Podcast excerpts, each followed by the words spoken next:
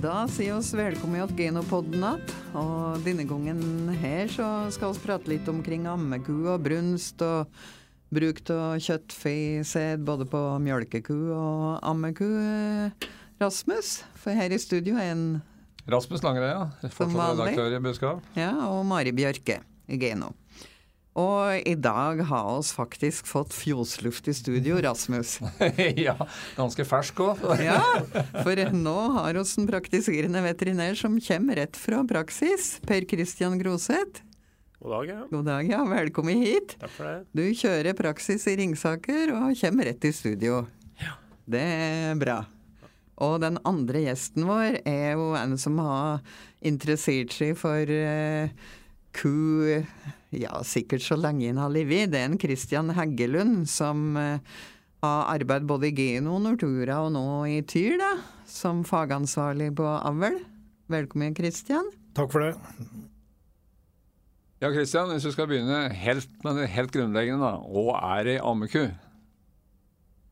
Ei ammeku er eh, ei ku som eh, dier kalven sin i for de fleste seks måneder. Mm. Ja.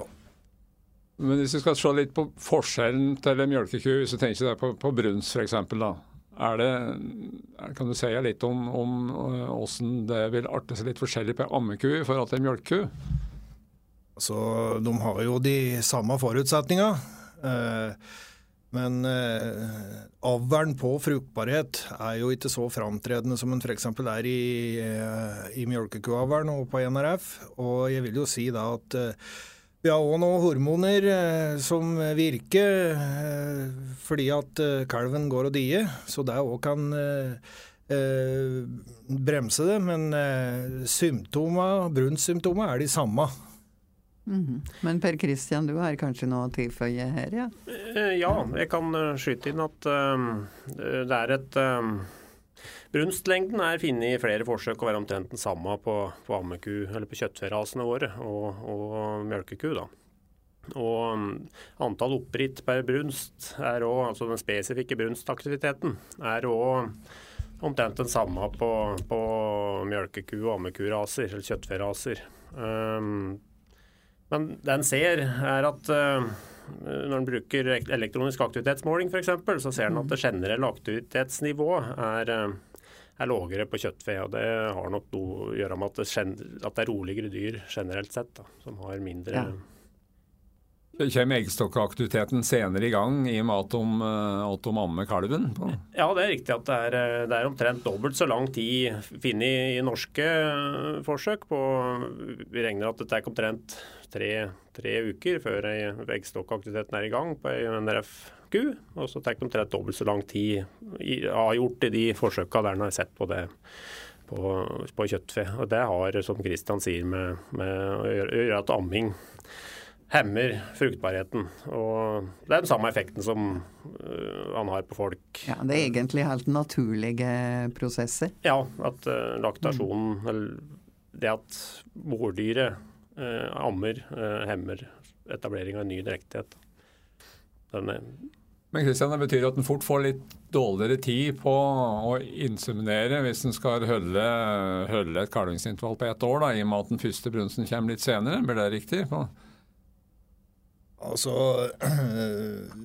jeg vil jo si da at, eh, at eh, når brunsten kommer etter eh, den første brunsten kommer etter seks uker, så har du allikevel god tid til både observasjon og av den brunsten og senere brunster for å holde et tolv måneders kalvingsintervall. Hva er det du skal se etter først da, da, Christian?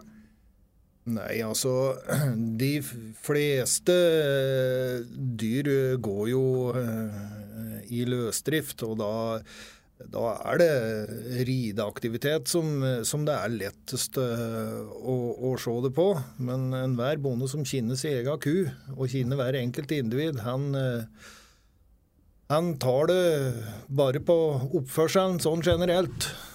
Men for den travle bonden i dag, så Og det, så er det kanskje ikke det med mindre fjøsbesøk, men det er brunstrunder, eller kveldsrunden, da, som jeg vil anbefale. Og hvis det du har dårlig samvittighet for at du ikke ser kua dine nok, så da er det over på elektroniske hjelpemidler, vil jeg si. Og Er det et godt hjelpemiddel òg på ammeku? Per Christian? Absolutt. Det er, eh, det, er, eh, det er, som Kristian sier, at jo mer han er i fjøset, jo mer skjer han. Um, og det gjelder jo både sliming og blødning og, og aktivitetstegn. Ridning, det at kua står for brunst. Eh, men så har vi jo andre hjelpemidler òg. Elektronisk aktivitetsmåling har vi nevnt et par ganger allerede. Det, det er et veldig godt supplement. Det øker mengden data.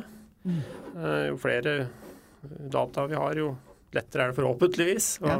og det, du praktiserer vel det litt sjøl òg, som er litt sånn fraværende bonde innimellom? Jeg, jeg har ikke aktivitetsmåling hjemme. Um, jeg syns jeg har um, så, så, vi bruker naturlig brunstobservasjon hjemme. Det var jeg spent på uh, første sesongen vi drev. Uh, alt er jo spennende når en starter opp noe nytt. Og da det, det, var enda en periode der jeg pendla tre dager i uka til Oslo, så det var ikke noe mhm. optimal eh, Det var, det var ikke fire brunstrunder om dagen, som jeg anbefalte. Uh, som jeg anbefaler andre. Men, uh, men, men du fikk, fikk kalv i kua? Vi, vi, fikk brukbare resultater. Vi, ja. mm. Husker jeg ikke nøyaktig resultatene, men det var snakk om at vi bedekte bort, inseminerte bortimot halvparten. og med ja, Nå kommer jeg ikke ut tallet akkurat, men med en riktighetsprosent på 75% eller noe sånt. Så det, mm, helt... så det, går an å være oppmerksom sjøl om en er borte mye av tida? Ja da, absolutt. Ja. Mm. Så vil jeg jo skyte inn én ting til. da, At en eh, ammekuprodusent eh, han har eh, ett hjelpemiddel som en, eh, som en eh, mjølkebonde ikke har, og det er en hel ræpa mogskalver. Ja. Eh, ja. De markerer ganske godt, altså allerede ved tre-fire måneders alder. Eh, de henger i flokk. Eh, etter den høgbrunstige dyret så er han er ikke helt hjelpeløs, han har mye konsulenthjelp, hvis en ser det. ja. Det, er, det, det, er jo eh, mange forskjellige raser av kjøttfe i eh, landet. Er det noe forskjell mellom dem i forhold til brunsttegn?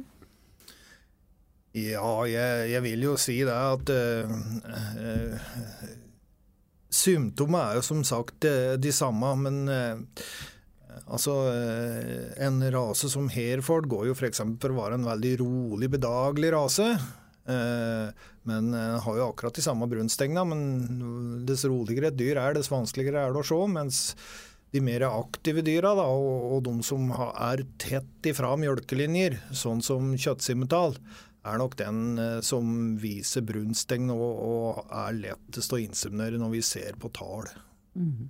Hvor viktig er det også greier i kalvingsintervallet på ett år? Du eh, nevnte en gang på ditt her med at noen har to kalvinger i året òg i ammekubesetninger, Kristian?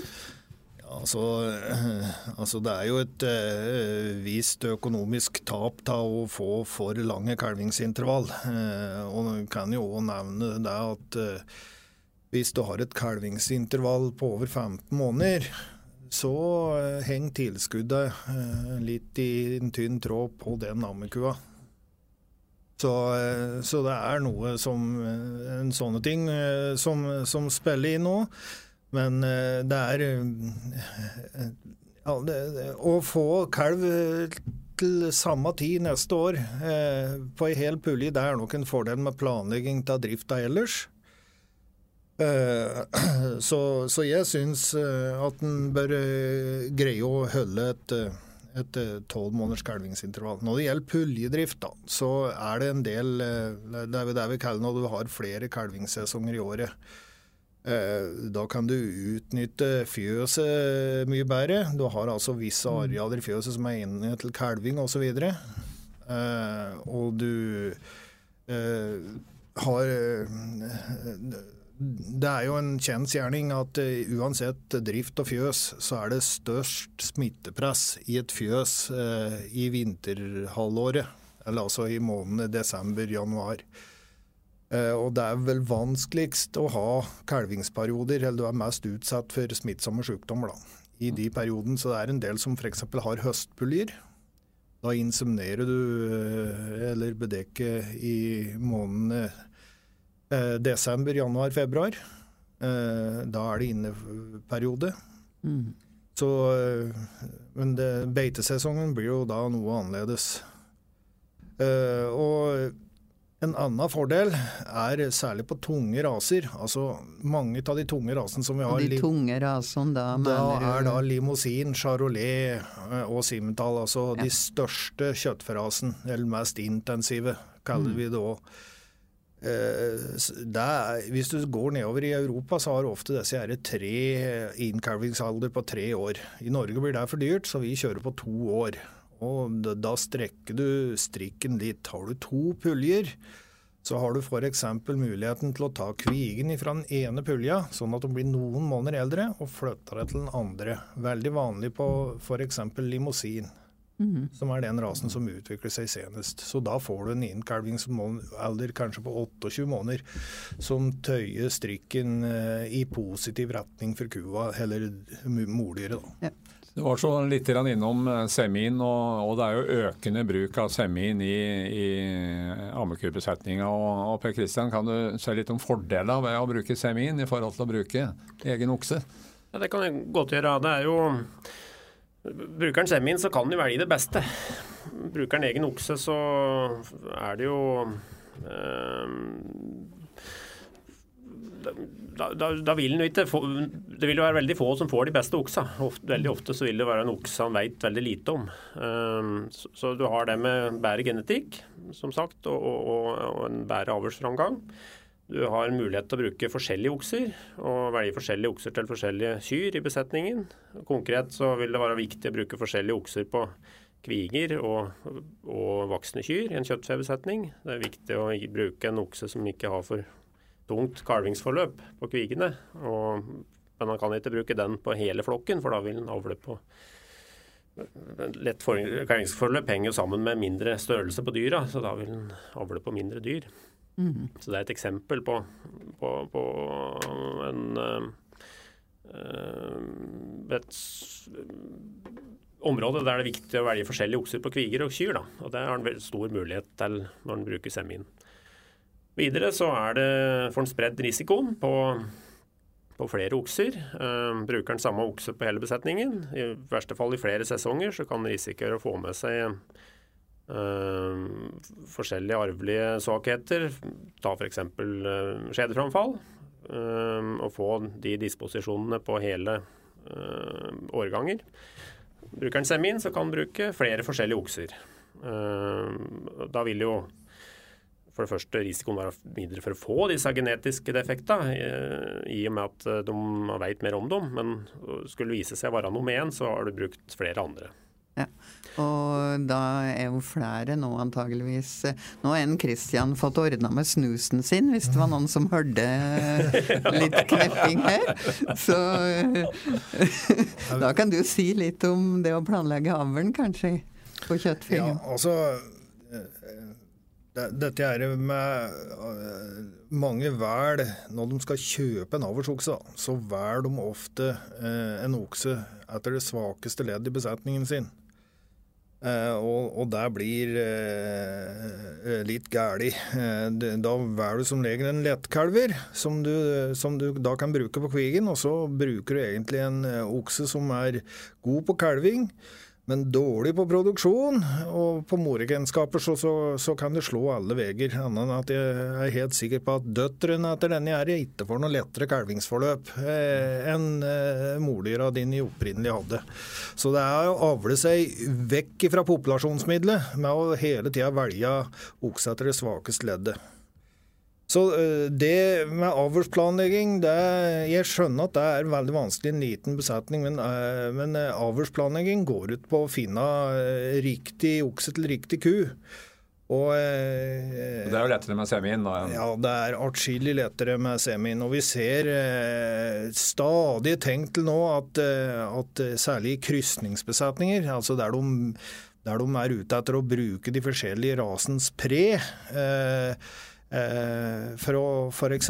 skaffe mordyr, så bruker de de de, på de kyrne med best moregenskaper, så inseminerer de enten med en okse som har, har veldig gode moregenskaper, for å forsterke dem ytterligere, eller de bruker en rase som har, har mer mjølkemengde enn den rasen de opprinnelig har. Altså at de f.eks. da bruker kjøttsimental for å få mordyr.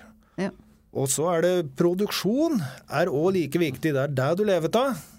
Og dette her med å velge gode produksjonsokser som gir power, altså tilvekst, er gode fòrutnyttere, så du får et sluttprodukt. Og da er vi over i det spekteret som både mjølke, mjølkebønder og ammekubønder At det nå begynner å velge spesialprodukter. Ja, det skal vi komme litt tilbake til.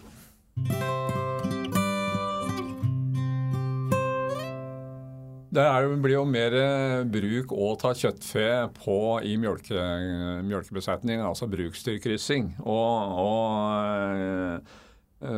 Kristian, kan du si litt om valget av rase i kjøttferase i en mjølkebesetning? Ja, altså Eh, som regel når en eh, mjølkekubesetning velger eh, å bruke en kjøttfeokse, så er det for, for, å fremme produksjon. Altså få et avkom som, som, som skal produsere kjøtt. Og da vil jo jeg si at Eh, vi har jo fått den f.eks. Angus-avtalen, eh, som gir bedre betaling eh, for slakt som har, er halv Angus. Og resten f.eks. er halv NRF. Rasen Angus er sånn laga, får en si, at den kan du òg bruke på NRF kviger. Eh, fordi at eh, Angus er den som har lavest kalvevekt, faktisk lavere enn NRF. Og fordi at Angus har eh, kort drektighetstid. Den har faktisk to dager kortere drektighetstid enn NRF. Altså 279 dager mot NRFs 281 dager. Så, så her Og det er det Faren er med å bestemme drektighetstida eh, når du inseminerer en RFQ. Så eh, det er veien å gå f.eks. på yngre mjølkekyr som du vil ha et eh, produksjonsavkom for å produsere kjøtt på, da, til en god betaling. På eldre dyr så vil jeg nok si at det gir like god betaling å bruke charolais eller limousin. Eller blond akuten for den del. Mm -hmm. Og det er kanskje det som du inseminerer jo, Per Kristian. Hva velger dem, eller hva begrunner gårdbrukerne valgene sine med når du gjør det? det en ting vi ser på, er jo kalvingsforløp. Prøv være, og Som Kristian sier, på kviger så skal være veldig NRF-kviger så må du være veldig forsiktig. Um, og Der vil det jo ikke være så mye annet enn angus, som er angus, som er aktuelt. Men òg på, på voksne, så prøver, voksne mjølkekyr så prøver vi å unngå ekstrema på, på, på kalvingsforløp. Men RFQ er jo litt eh, mindre enn i hvert fall de tunge ammekurasene. Og, og det er jo avgjørende å unngå for mye kalvingstrøbbel. Ja, for jeg tenker at Sjøl gjennom tidene så har jeg jo sett veldig mange fine krysninger, NRF og Charolais f.eks., men det er kanskje vært vanligere? Ja, vi, vi, bruker absolutt tunge raser òg ja. på, på, mm. NRF. altså. Det er jo både En måte å få ekstra verdi på kalven på er jo Angus-avtalen, som, som Christian mm. nevner. En annen er jo å få et, en tyngre avvent kalv, uh, som er uh, halvkrysning, NRF, uh, Charolais eller Simmental eller limousin. Mm. Som da både vil være tyngre, en tyngre kalv å selge eller som til framforing eller slakte. Eh, og det kan òg være et attraktivt mordyr, enten til rekruttering Mange mjølkeprodusenter har en liten kjøttfebesetning ved siden av mjølkekubesetningen som de rekrutterer til. og jeg vil jo anta at de fortsatt er aktuelle til salg. Hvis du tenker på rekruttering til mordyr i slike besetninger, er det noen bør tenke på da? Um, det har jeg ikke forberedt så mye på akkurat. Men Kristian har sikkert litt meninger om saken. Ja, sånn, eh, det er jo et veldig godt uh, mordyr, da. Uh, fordi at uh, det, er, det gir bra med mjølk. En halvkrysning i NRF. Altså hvis vi sier at ei ammeku mjølker mellom 7 og 12 liter om dagen, og kanskje litt mindre òg. Og alle vet jo at en NRF-ku i kvige mjølker sjelden under 25 kilo. Så, eh, så, er det jo noen forskjeller. Det, og, men det, krever et bra driftsopplegg å ha sånne, sånne ammekyr som er halvkrysninger. Eh, de vil ta god fòring. eh, etter de har kalvet. Du må passe på jurhelsa, for særlig de første ukene så greier ikke kalven å ta unna alt. Og eh, skal du greie å opprettholde holdet på kua, eh, så må du nok òg bruke en del kraftfôr i eventuelt innforingsperioden, og at det bør gå på ordentlig beite, slik at det kan ta kalva til normal tid neste år og greie å holde på hullet. Ordentlig beite, hva er det? Ja, det er, eh, det, det er et kultivert beite som det ikke er for mye dyr på. Altså mm. Og ikke for gammelt altså, gras. Og ikke for gammelt gras. Som mjølkekua så er det jo en utfordring at det ofte blir for fet ved, ved kalving. Hvordan er det på Er det samme utfordring på ammekua? Ja, det, det, er det så absolutt. Og jeg vil jo si da at skal du rette opp holdet på jammeku, så, eh, så, må du, du må, Ved innsatt om høsten så bør du gruppere, slik at eh, de voksne er for seg sjøl. Og eh, de som fortsatt vokser, altså kviger og kyr som er tre år gamle, at de er gruppert så de får noe bedre fôring for å fôre opp holdet og huske på at de samtidig skal vokse. Og så så når du har fått eh, disse, opp i ønsket hold, så kan du kanskje da fôre dem som, eh, som de voksne kuene med samme fôrmidler, men huske på eh, mineraldekning. Mm.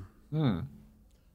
Det er jo ikke så mange som ikke driver med ammeku, som kommer borti ammeku, men, men sommeren, på sommeren når man er ute på beite, så kan jo det skje. Og hva gjør vi hvis vi er ute på bærtur og går der med bærspannet våre, så det kommer en flokk med en ammekuflokk etter oss, så hva er rådet for åssen en skal opptre da?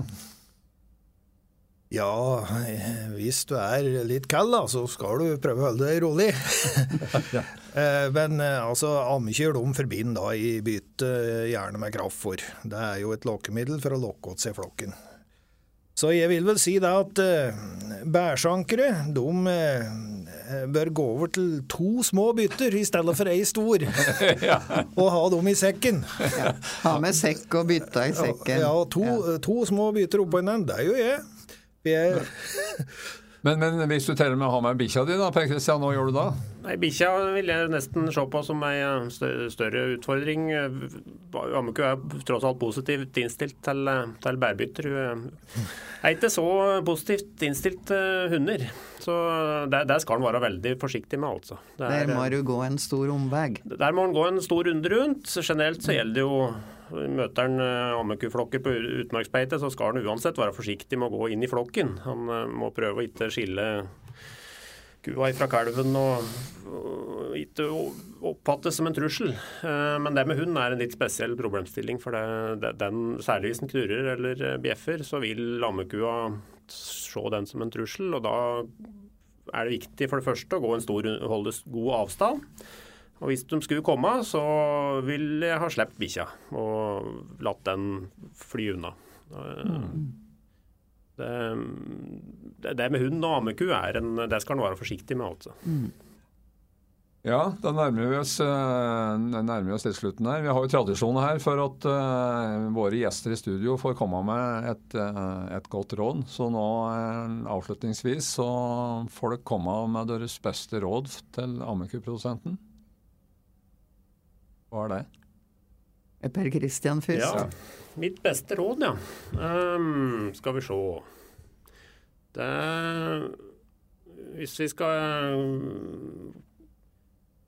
uh, ta et tema som kanskje er uh, jeg, jeg, tror jeg lander på mineraler, ja, det har vært nevnt. Um, og i hvert fall for nybegynnere som er vant til å fôre mjølkeku, så så er det en overgang å fôre ammeku i stedet for en mjølkeku.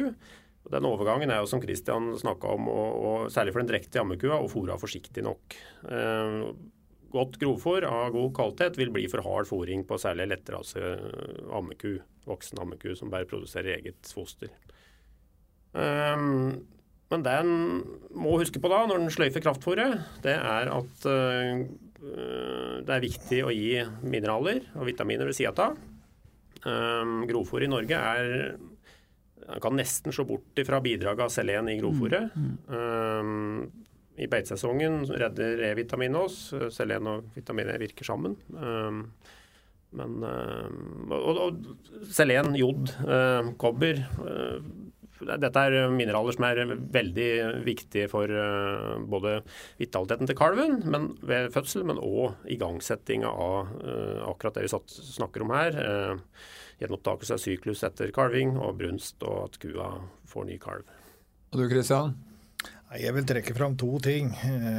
Det ene er det, dette er med å å, dele opp flokken, uansett om du har renrasedyr, eh, om du har krysningsdyr eller om du har mjølkeku, at eh, du bestemmer før du inseminerer eh, hva eh, avkommet skal brukes til. Det har du mulighet til i dag, eh, i alle produksjoner.